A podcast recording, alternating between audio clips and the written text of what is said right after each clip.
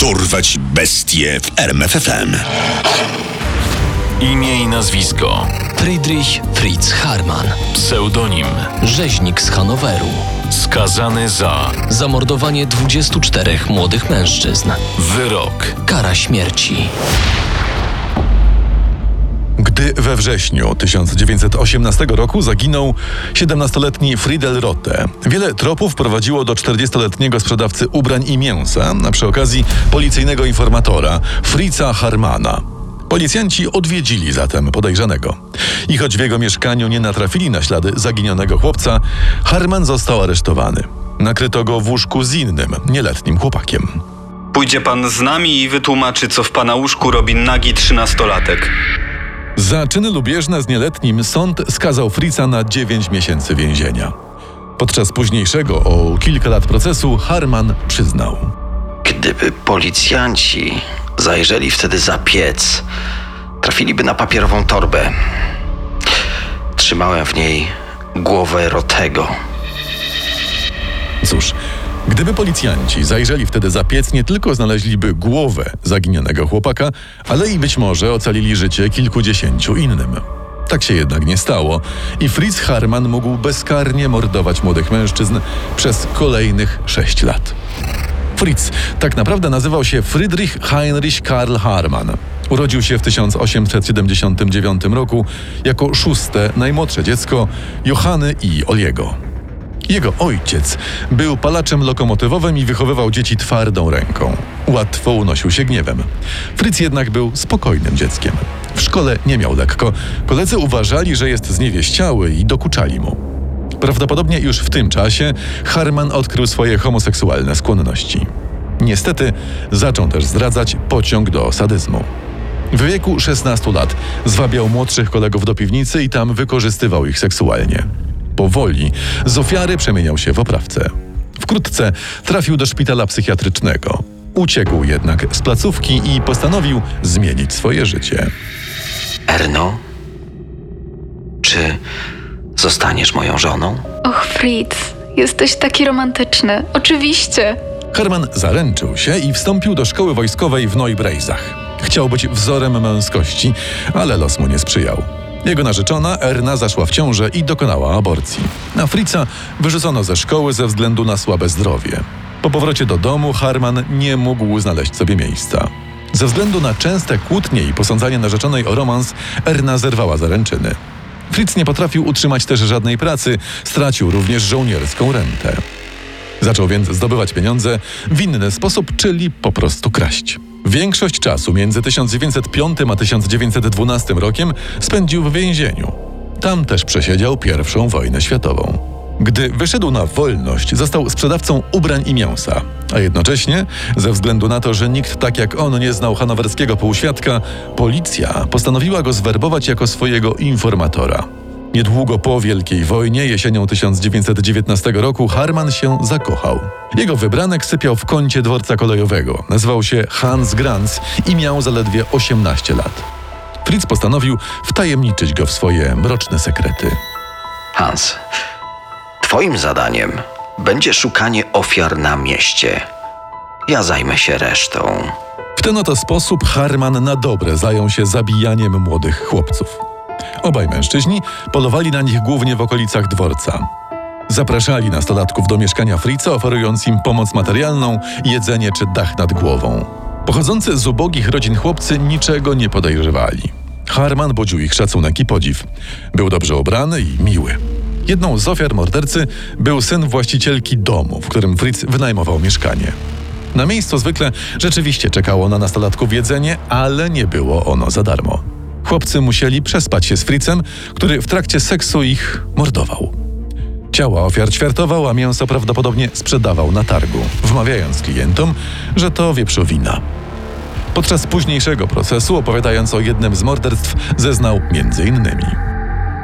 Zrobiłem dwa cięcia w brzuchu. Wnętrzności przełożyłem do wiadra. Zmiażdżyłem kości. Wyciągnąłem serce, płuca i nerki. Pociąłem i włożyłem do wiadra. Podczas gdy Harman zajmował się ciałami, Hans oceniał, co z rzeczy osobistych należących do nastolatków można by było sprzedać. Resztę, w tym kości, wspólnicy wyrzucali do rzeki. Morderczy proceder trwał latami i trudno powiedzieć, że nie znaleźli się żadni świadkowie. Doniesienia na policję składali zarówno sąsiedzi, Ciągle się tu kręcą jacyś młodzi chłopcy, to jest podejrzane. jak i klienci Harmana z targu. Sprzedał mi kurtkę. Od spodu była cała poplamiona krwią. Jednakże władze nie reagowały. Fritz Harman był ich cenionym informatorem, nie chciały mu się więc w żaden sposób narażać. Harman i Grans mogli działać zupełnie bezkarnie. Aż do 17 maja 1924 roku. Wtedy to bawiące się nad rzeką w okolicach zamku Herrenhäusen dzieci odkryły ludzkie kości, a dokładnie czaszkę. Początkowo policja zbagatelizowała sprawę. Nie, tam. To pewnie studenci medycyny wyrzucili po zajęciach. Podejrzewano też ewentualnie Instytut Anatomii w Getynze lub złodziei zajmujących się obrabianiem grobów.